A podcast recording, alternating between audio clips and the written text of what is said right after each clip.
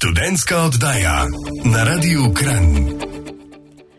Dober večer, dragi poslušalci in poslušalke v nocojšnjem podkastu Kluba študentov Kran na Radiu Kran.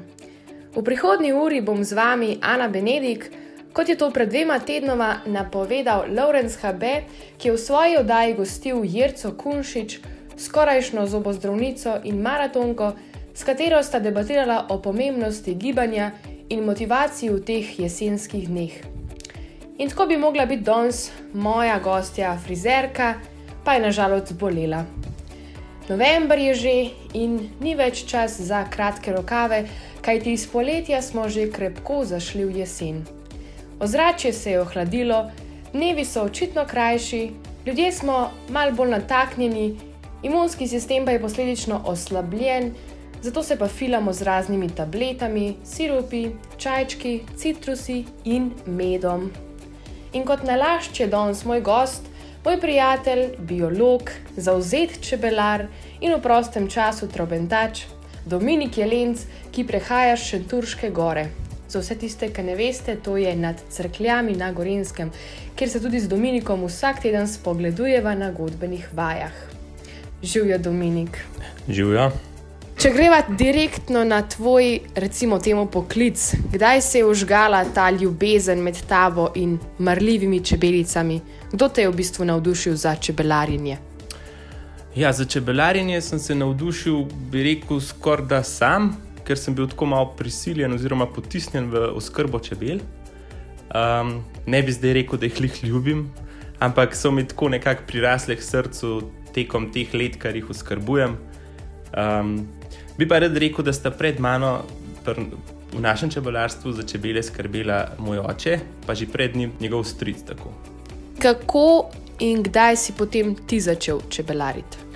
Ja, jaz sem začel čebelariti v srednji šoli, v drugem letniku, ko sem od očeta prevzel čebelarstvo. Uh, takrat je bilo čebelarstvo veliko, ni 40 panjev je bilo, panji so bili malo pač starejše izvedbe, starejši čebele niso bile tako dobro uskrbljene. In pač sem se nekako na teh panjih poje začel jaz učiti čebelarstva. Seveda sem se prej že um, tudi, se pravi, že od malih nog sem bil nekako povezan s čebelami, sem se z njimi ukvarjal, kakšne stvari pomagal očetu. Ampak, polka si pa enkrat prisiljen sam to delati, se pa stvari poj pokažejo, da niso tako lahke, kot izgledajo na začetku ali je čebelarstvo potem samo tvoj hobi in nekakšna neka družinska tradicija, ki jo ti zdaj ohranjaš, ali je tudi v resnici tvoja služba? Ja, pri čebelarstvu je delo bolj sezonsko, tako da je čebelarstvo nekako v poletnih, spomladanskih in poletnih mesecih, je čebelarstvo moja služba. Ja.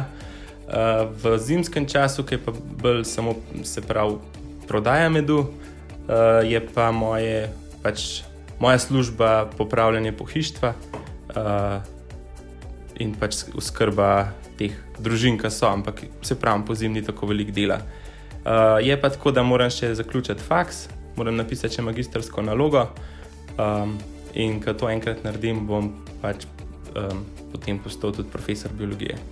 Torej, že skoraj profesor biologije in čebelar. Kaj pa potem počneš v prostem času, če ga sploh še kaj ostane? Ja, v prostem času, ki ga polno ostane več velik na koncu, ja.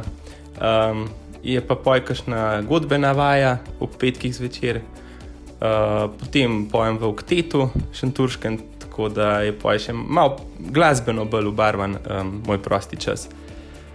Um, drugače pa sem že prej rekel, da popravljam tudi pohištvo. Tako da pa izdelujem se pravi čebelarsko opremo, kar je treba lesenih stvari za čebele narediti, naredim sam.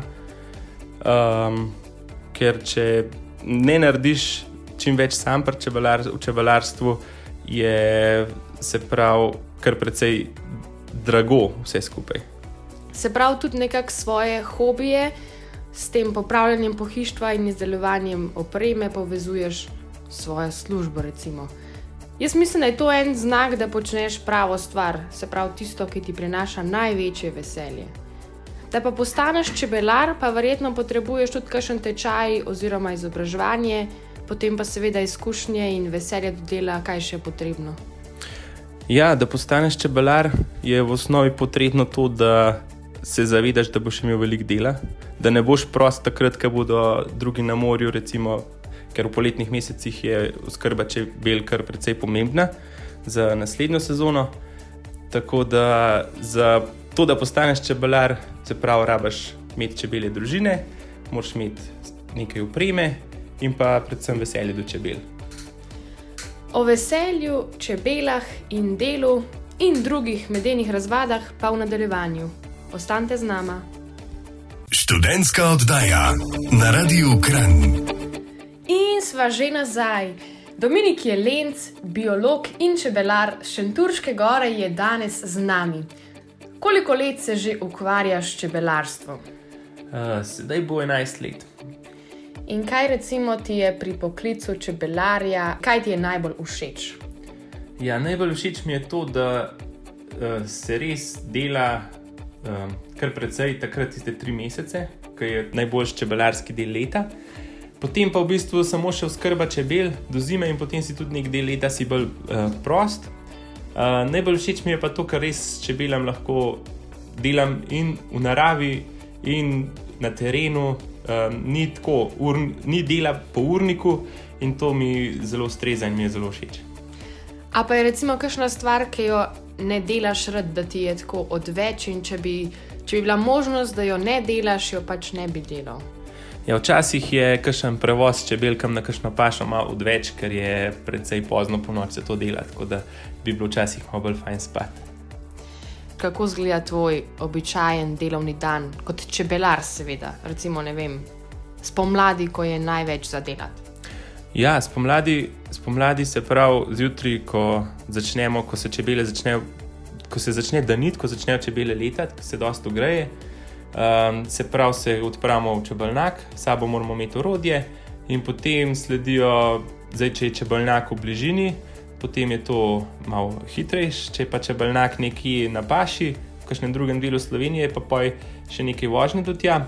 In potem sledi pregled čebel, se pravi, če bele pripravimo, vem, recimo na pašo ali na točenje, lahko tudi točimo, odvisen, kaj se ti zdaj dela. Um, in ko je stvar, pač, kad cel čebelnak pogledamo, to je ponavadi, jaz imam čebelnake po 15 do 20 palni, ponavadi ne 2-3 urce dela, in potem, ko to zaključimo. Um, se pravi, se spet pospravimo urodje, pospravimo stvari, gremo v avto in potem domov in potem do naslednjega čebelnaka, ali pa če je pa to, to za ti zdanje, pa poj konec. Se pravi, je kar obsežno to delo, kar v bistvu ti vzame po cele dneve. Zdaj pa greva recimo na malo bolj konkretna čebelarska vprašanja. Kako je sestavljen pan? Ja, pan je v osnovi sestavljen je lesen, zdaj seveda delajo tudi plastične, ampak leseni pani so škočkatla narejeni lahko v njih dostopamo od zgoraj ali pa iz zadnje strani. V panju so pa zloženi satni okviri, to so leseni okvirčki, na katerih je uh, satnica iz voska, na, kateri, na teh satih potem čebele se prav živijo, se prav se razmnožujejo, v njih nabirajo med, cvetni prah. Uh, in te sati se dajo iz panja vzeti ven, se pravi, tako na ta način čebele pregledujemo, točimo med in jim jih, lahko, in jim jih vrnemo nazaj noter. Um, to je v osnovi groba oblika panja. A pa so te panji, imajo tako neke določene mere, so vsi enako veliki ali poznamo različne velikosti oblike? Ja, poznamo različne type panjev, se pravi nakladni pan, aži pan, švicarski pan, DB pan. To so samo ene od vrst panjev, ki obstajajo. Uh, zdaj, ko se odločimo, kakšen tip panja bomo imeli, je potem tudi na ta tip panja določena mera satnika in določene dimenzije. Se pravi, panji so standardizirani, tako da se lahko potem med posameznimi uh, tipi panjev čebele predstavljajo, menjajo, kupujejo, prodajajo in podobne stvari. Na začetku si omenil, da si prevzel od očeta 40 panjev. Ali imaš še zmeraj 40, imaš kaj več, kaj manj? Ja, čebelarstvo sem nekoliko malo povečal, tako da je uh, se dal čebel tudi uh, živeti uh, in imam 50 gospodarnih panjev in 50 rezervnih družin. A pa te panje je verjetno potrebno tudi pregledovati oziroma čistiti. A to ti tudi verjetno počneš in koliko krat na leto, recimo, to delaš? Ja, panje je treba očistiti, če se pravi, družina v panju propade, potem se panj očisti, se naseli novo družino in te družine se potem pregleduje. Načeloma spomladi je teh pregledov več, ker se družina bolj razvija, jo je treba malo tudi spodbujati včasih. Potem, ko sledi v letu obdobje točenja, je teh pregledov, se ti pregledi zmanjšajo, bolj samo na tiste preglede ob točenju. Eh, potem poleti pa se ti pregledi čebeljih družin nehajo, pregleda se samo še kakšno šibko družino, če, če slučajno ustane. Takrat je čebele treba nakrmiti za zimo, in po zimi pregledov pri čebeljih družinah ni. Verjetno to pregledovanje je zelo pomembno in vpliva tudi na med, ali ne? Ja, seveda. Če jih pravilno pregleduješ, pravilno skrbuješ v pravem času, je lahko izkoristek eh, se pravi nabranega medu več kot pa če se uh, lotiš pregledovanja na napačen način. Obstaja pa verjetno tudi več vrst čebel, katere imaš ti in kako recimo jih ločiš med sabo. Ja, poznamo veliko različnih vrst čebel. Zdaj v Sloveniji, na območju Slovenije, je avtohtona in zaščitena čebela kranska sivka, to je podvrsta medonosne čebele. In zaradi tega na območju Slovenije ni dovoljen gojiti nobene druge podvrste čebel, uh, kot samo kransko silko. Zdaj, ta, ta, to podvrsto imam tudi jaz v svojih čebelnjakih, uh, ločimo jo pa od ostalih podvrst po njenih morfoloških eh, posebnostih. In te različne vrste čebel verjetno predelujejo tudi različen med, a se motim. Ja, vrsta medu v osnovi ni toliko odvisna od vrste čebel, ampak bolj od vrste rastlin, na katerih med nabirajo in katere vrste medu potem poznamo, in kako recimo tudi med ločiš med sabo. Ja, med ločiš med sabo po, se pravi, na podlagi vonja, okusa in pa se pravi videza, barve.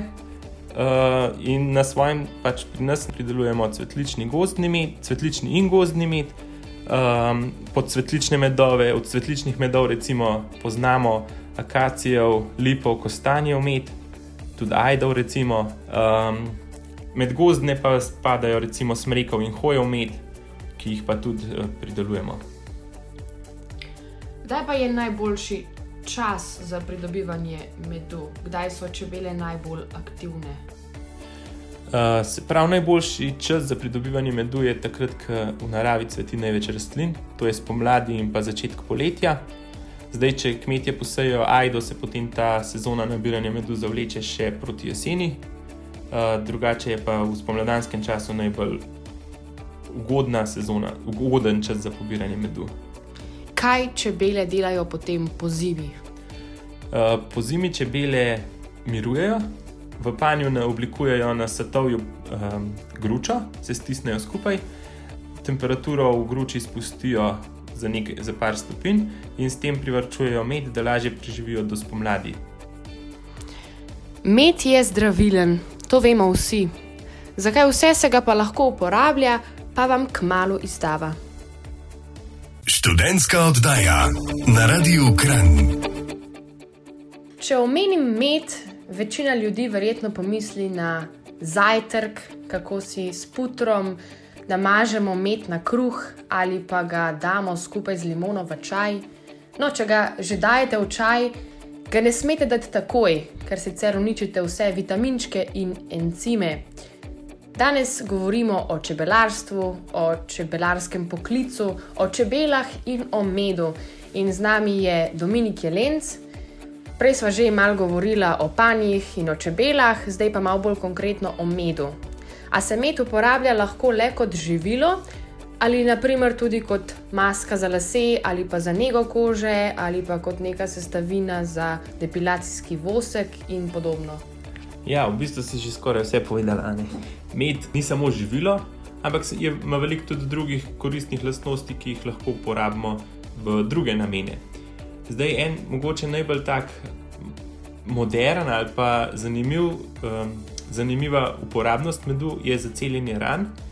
Namreč začeli so se pojavljati na trgu v bližini z medom, ki ga enostavno nalepeš čez kakšno razjedo rano um, in pospešuje njeno celjenje, s tem, ko ima veliko vsebnost sladkorja in preprečuje razmnoževanje bakterij, in s tem pač nekako pohitri, pomaga našemu imunskemu sistemu, da se hitreje rana zaceli. Kje pa moramo shranjevati med? Ga je treba dati v hladilnik, a ga imamo lahko zunaj na polici? Ja, med ni potrebno hraniti v hladilniku, eh, lahko ga shranjujemo zunaj, paziti je pa treba, da ga ne damo preveč blizu kakšnega vira toplote ali pa na, prav na soncu, da ga imamo, saj se s tem povečuje vsebnost HMF-a v medu, ki pa ni ravno priporočljiv. Slovenci smo narod čebelarjev. Na tisoč prebivalcev Slovenije je kar pet čebelarjev in to nas uvršča v svetovni vrh. Koliko čebelarjev je v Sloveniji? Matematično vprašanje. Uh, jaz bom raje povedal, kar tako, kot vem iz podatkov, da je okrog Slovenije okrog 20 tisoč čebelarjev, uh, ki je čebelarjev s okoli 200 tisoč čebeljimi družinami. Kaj pa pomeni veliki čebelar? Jaz sem prebrala, da to pomeni, da ima veliki čebelar več kot 70 panjev, da imajo tudi svoje zaposlene in da od tega živijo. Takih čebelarjev je v Sloveniji kar 160. Največ pa je takih, ki imajo povprečno od 10 do 15 panjev. Zakaj je temu tako? Ja, velikih čebelarjev je v Sloveniji res bolj malo. Po mojem, na to vpliva kultura čebelarjenja, uh, ker je že odnegdaj skoraj vsaka hiša imela svoj čebelnjak, vsak, recimo, skoraj ki je šel v penzijo, oziroma v penzion, se je začel ukvarjati s čebelarstvom, se je naštimo v par panjev čebel. In zato je tudi v Sloveniji velika večina čebelarjev manjših z parimi panji čebel. Pa bi lahko rekel, da je v bistvu to nek tak popularen hobi postal. Da, evo, zdaj grem pa v penzijo, jaz si bom pa zdaj umislil čebelnak. Ja, ker v bistvu, kot, um, če si kot tržni čebelar oziroma večji čebelar, si zelo odvisen od uh, čebelarske sezone. Te pa so od leta do leta odvisne, različne, lahko so zelo slabe, lahko pa zelo dobre in je zelo težko uh, na dolgi rok živeti od čebel. Sigurno pa se tudi v čebelarstvu pojavljajo kakšni problemi. Ja, seveda, v čebelarstvu je kar precej različnih problemov, med njimi so zatiranje čebeljih bolezni in zajedavcev, pol prilagajanje čebel recimo na klimatske spremembe, prilagajanje same narave na klimatske spremembe, se pravi pašnih virov za čebele uh, in izkoriščanje teh pašnih virov pa potem se pravi ureditev primernih prostorov za, čebe, za čebelarstvo, se v sodobnem času se čebele vedno bolj umikajo v, v gost iz teh urbanih naselij ali pa na kakšne strehe. Mogoče kakšne z, take zatišne lege, kjer ni nevarnosti, da bi potem čebela ogrožala zdravje uh, drugih ljudi. Um, seveda je pa tudi kakšen problem tudi pri samih panskih sistemih, kjer je treba kakšne detajle še popravljati, izboljšati in um, se pravi narediti boljše za lažje čebelarjenje. A pa recimo o teh problemih se verjetno pogovarjaš tudi s svojimi kolegi čebelarji, oziroma se še vedno izobražuješ na kakšnih izobraževanjih, hodiš na predavanja, tečaje, um, da nekako malo se pogovorite o tem. Ja, seveda, s kolegi čebelarji veliko debatiramo o problemih jih pravimo čim več rešiti. Veliko pa izvemo tudi na izobraževanjih, ki jih organizira Čebelarska zveza Slovenije, uh, iz kakšnih knjig, literature, iz interneta. No, vidite, tudi čebele imajo svoje probleme, pa zato niso nič manj pomembne. O pomembnosti čebel pa po naslednjem komadu. Študentska oddaja na Radiu Kran. Čebele zagotavljajo eno najbolj prepoznavnih ekosistemskih storitev in to je opraševanje. Zaradi tega je pridelava kar treh četrtin svetovne hrane sploh mogoča. Torej, če ni čebel, ni rastlin in ni živali, in posledično slejko prej tudi ni človeka. Ja, čebele so pomembne v naravi kot opraševalci, um, vendar se tle na tem področju vedno krešajo mnenja uh, ekologov, biologov, pa tistih čebelarjev, čebelarske zveze in pa ekonom, ekonomov, recimo tistih, ki bi radi uh, od čebel profitirali. Vemo namreč, da čebele niso edini opraševalci, pa tudi niso najboljši, opraše, najboljši opraševalci. So pa zelo eh, pomembni opraševalci in ekonomsko zanimivi.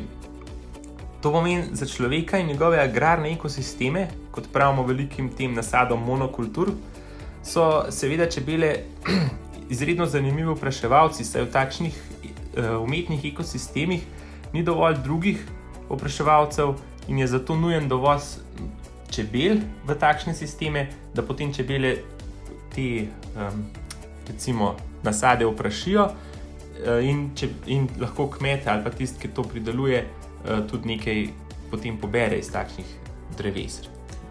A so čebele tudi verjetno potem najbolj množični opraševalci, jih je največ? Ja, to pa definitivno, ker jih se pravi po celem svetu gojimo in uporabljamo za namene opraševanja in pridobivanja medu in drugih čebeljih pridelkov. Torej, čebele so pomembne. In letos smo že petič praznovali 20. maja, svetovni dan čebel. Kaj to pomeni za čebele in za čebelarstvo nasplošno? Ja, Svetovni dan čebel je odlična priložnost za ozaveščanje ljudi o pomenu čebel, seznanjanje potrošnika s čebeljimi proizvodi, promocijo čebeljih proizvodov, dvigovanje zavesti o ohranjanju biodiverzitete v naravi um, in ne le ohranjanju določenih vrst, ki so zanimive za človeka. Čebele namreč niso samo ti, ki jih poznamo v čebeljih panjih, ampak poznamo tudi druge, recimo čebele samotarke, čmrlje. Eh, potem so kolonije divjih čebel, pa tudi druge vrste medonosne, podvrste medonosne čebele. Albert Einstein je leta 1949 rekel, da bo človek, ko bo čebela izginila z obličja Zemlje, preživel le še štiri leta. Dominik, ali se ljudje res premalo zavedamo njihovega pomena? Ja, definitivno bi rekel. Uh, verjetno sicer Einstein je mislil bolj samo na gojene čebele in ne na splošno na vse vpraševalce. Uh, je pa res, da se ljudje po eni strani dobro znajdemo. Ne? Tako da, če recimo na nekaterih območjih vpraševalcev ni več, tako kot na kitajskem, na enih delih, recimo, um, so, če, so ljudje začeli sami vpraševati drevesa. Ne? Je pa se pa pojavilo vprašanje, kako potem to vpliva na ekosistem, ker človek ne vprašuje vseh vrst tam, kjer, so, se pravi, kjer, so, kjer se to pojavi, ne vprašuje vseh vrst, ampak samo tiste, ki so za njega zanimive. In kako to vpliva na sam ekosistem, če vprašuješ samo določene vrste um, rastlin, je pa mogoče boljš, če nikoli ne moramo vedeti. Obstaja pa strah pred čebelami. Mnogi ljudje se bojijo čebel. Jaz moram priznati, da tudi pri meni je ta strah nekako prisoten že od malih nog, ker sem imela eno prijateljico, sosedo. In njen oči je imel čebeljak doma, in ko sem bila tam na obisku, smo ga večkrat opazovali v tisti njegovi opremi. In moram reči, da se nisem upala prav približati, da me ne bi kašna pičla. Zakaj misliš, da se ljudje bojimo čebel?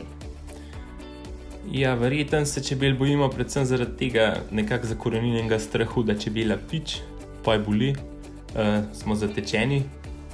S čebelami um, sem jaz dober prijatelj, ne?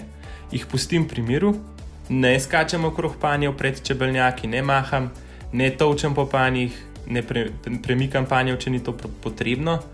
Uh, in tudi delam s čebelami, kadar delam z njimi, poskušam delati počasi, umirjeno ne pridem, um, pridem se prav v čistih oblačilih, da ne smrdim, ne oddajam neprijetnega vonja, potem jih najprej pomirim z dimom. Tako da, če, če na ta način delamo s čebelami, se nimamo česa bati, da bi bile zelo, um, da bi bile zelo agresivne. Seveda pride obdobje v letu, ko so čebele na splošno agresivne, takrat se je bolj zaščititi s čebelarsko obleko in se izogibati okolici čebeljaka um, v delih leta, recimo zgodaj spomladi, ko pa so čebele um, aktivne, nabirajo, je v naravi paša, pa pri čebelah načeloma niso agresivne in jih lahko opazujemo tudi iz, iz bližine. E, kako pa rečemo malemu otroku, nič ti ne bo naredila, se je prijazna. Mu razložimo, da je pomembna, zato ker vprašuje, in da bomo zato lahko pridobili med, in bo potem, ne vem, čaj bolj sladek.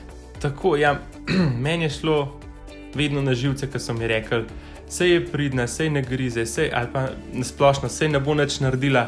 In pol verjameš, greš zraven in pol te pičane. Recimo. Tako da ta opcija ni najbolj optimalna. Boljše je, da rečemo, če belate lahko pič, uh, bod previden, ne uh, je kar zraven, pa jih gledati prav od blizu. Um, ali pa recimo, da je obleč se, daš gor čebelarsko obleko, se zaščitiš, potem greš gledati čebele. Um, na ta način vrno. Ok, super. Zdaj le greva še na en komat, potem pa se še zadnjič vrneva z Dominikom in še malo podebatirava o čebelarstvu. Študentska oddaja na Radiu Kran. In še zadnjič danes z vami Jana Benedik in Dominik Jelenc. Pridelava medu je verjetno odvisna od letine. Dominik, kakšna je bila letos? Ja, letošnja letina je bila glede na preteklih pet, recimo, uh, izredno dobra natočili smo kar precej medu, na to je vplivalo to, da spomladi ni bilo zmrzali, da je bila pomlad nekako prešla iz zime v tem milejšem tonu, da ni bilo teh hudih pozeb, pa da je ta del, se pravi maj, juni, da je bilo suho vreme, ni bilo dežja in so rastline dejansko, ki so cvetele, so dejansko medile in je so čebele lahko nabrale precej medicine. Uh, zato sicer za kmeta to ni bilo najboljše, ker si je bila suša, ampak za nas čebelarje je bilo pa to kar uredno. Kako pa misliš, da bo v prihodnosti? Verjetno tudi, kot si že prej omenil, vremenske razmere in pa ta ekstremna temperaturna nihanja vplivajo tudi na čebele. Ja, upajmo, da bo šlo vreme in ta narava se pravi bolj v tej smeri, da bodo ti poletni meseci, pa je spomladanski meseci lepši. Pa predvsem v to, da ne bo tako, kot je bilo prej dve sezone, dve leti, ki je bila spomladi pozeba in je pač v tem času cvetenja rastlin prišel ta polarni mraz in je pač vse pomrzlo. Čebele niso nič nabrale, ker so si rastline mogle v pomoč po tem, tej pozebi. Slovenec naj bi pred desetimi leti zaužil povprečno en kg medu na leto, zdaj pa kar 2 kg, se pravi, se je porabnost medu povečala za 100%. Kar je super. Ampak, a misliš, da bo v prihodnosti vedno povpraševanje po medu ali ga bo prekosila recimo kot namaz na kruh Nutella oziroma kot zdravilo vsa ostala farmacija? Ja, dokler časa se bo človek zavedal teh naravnih sestavin ja, in pa pač naravne, narav, na, naravi pridobljenih uh, teh su, surovin za izboljševanje recimo, zdravja, ker po eni strani je imeti tudi do, dobro živilo, je dober za jesti, ga radi namažemo na kruh, pač recimo uh, damo radi v čaj, ima prijetno aromo. Tako da, po mojem, bo med ostal živelo Več. tudi naprej. Tako. Tako kot smo že danes v oddaji večkrat omenili, kako pomembne so čebele, kako pomembno je ozaveščanje vsega, kar imamo. Če ste slučajno zamudili oddajo, imate možnost poslušati za nazaj v vseh aplikacijah za podcaste. Um, sicer pa bliža se zima, dnevi so vedno bolj hladni, pa ciljčki letajo res vse pa vsot. Zato eno žličko medu na dan, da boste lahko brezskrbno uživali tudi v teh deževnih in zasneženih dneh, ki prihajajo. Upam, da. Kozarček medu je pa lahko tudi odlično darilo za rojstni dan ali pa za podsmrekico, pa tudi nujno potrebna sestavina za slastne medenjake. Na Facebooku najdete čebelarstvo Jelenc. Napišite, pokličite ali pa se oglasite kar na Šenturški gori. Dominik, za konec bi delil z nami še kakšno čebeljo ali pa medeno misel. Ja, tako kot pravi pregovor, učimo se pri čebelah, pridnost bogati, pogum ojača, enotnost pa nas napravi močni. Hvala lepa. No, tako le zaključujemo današnji intervju. Hvala, Dominik, ker si se odzval mojemu povabilu in tako prijetno sooblikoval oddajo, ki je bila poučna in upam, da koristna za vse. Gremo še na zadnji komat, potem pa sledi še klasičen študentski napovednik, da ne boste zamudili vseh norih stvari, ki se dogajajo na klubu do konca tega meseca. Poslušate študentsko oddajo na Radiu Kran. Sedaj pa svinčnik ali tablico v roke. Saj si tole, kar boste slišali zdaj, velja zapisati vse koledarje in opomnike tega sveta. In še klasičen študentski napovednik. A ni krasen tale november? Na klubu študentov Kran smo spet začeli z rekreacijo. Vsako sredo vas od 20 do 21 pričakujemo na badmintonu, od 21 pa do 22:30 pa na odbojki v športni dvorani na Zlatem polju v Kranju. Če še nisi član kluba, se lahko učlaniš, ker je najbolj simpel in vzel ti bo manj kot minuto ali dve. Samo klikneš na link na našem Facebook ali pa Instagram profilu in slediš navodilom. Lahko pa prideš kar osebno na našo infotočko, kateri koli dan v času uradnih ur, pa seveda sabo preneseš potrdilo o upisu. Naša infotočka se v decembrskem času spremeni v Božičkovo skladišče in tako postane zbirna točka projekta Božiček za en dan. To se bo tudi letos zgodil in sicer, če bi se radi počutili kot dobri možje severnega pola in nekomu pričarali na smeh na božično jutro, vam ni potrebno plezati skozi dimnik, pač pa le zavite darilo in ga preneste na infotočko kluba študentov Kran. Za še bolj podrobne informacije pa obiščite spletno stran www.ksk.si. Z vami smo danes bili voditeljica Ana Benedik, ki se ji zaradi današnjega gosta in teme luštajo medenjaki. Za vse to hvala Dominiku Jelencu, ki nam je veliko povedal o teh prikupnih malih bitjih, ki ohranjajo človeški rod, in upam, da nas je vse še bolj spodbudil k ozaveščanju o pomembnosti čebel. Da pa je vse tehnično štimalo brez težav, pa je poskrbela tonska tehnica Anja Stare, ki je tudi dobra vila, saj vedno prijazno izpolni vsako glasbeno željo. Hvala, Anja. Bodite lepo, pa ne preveč nagajati, da vam bo Miklaš prinesel tudi kakšen medeni piškot in ne samo mandarin. Se poslušamo čez tri tedne. Čau, čau! Poslušali ste študentsko oddajo Radia Kran. Vaše predloge in komentarje z veseljem sprejema urednik Laurence HB na elektronski naslov laurence.hb.afna.ksk.si. Še smo tu, vaš klub študentov Kran.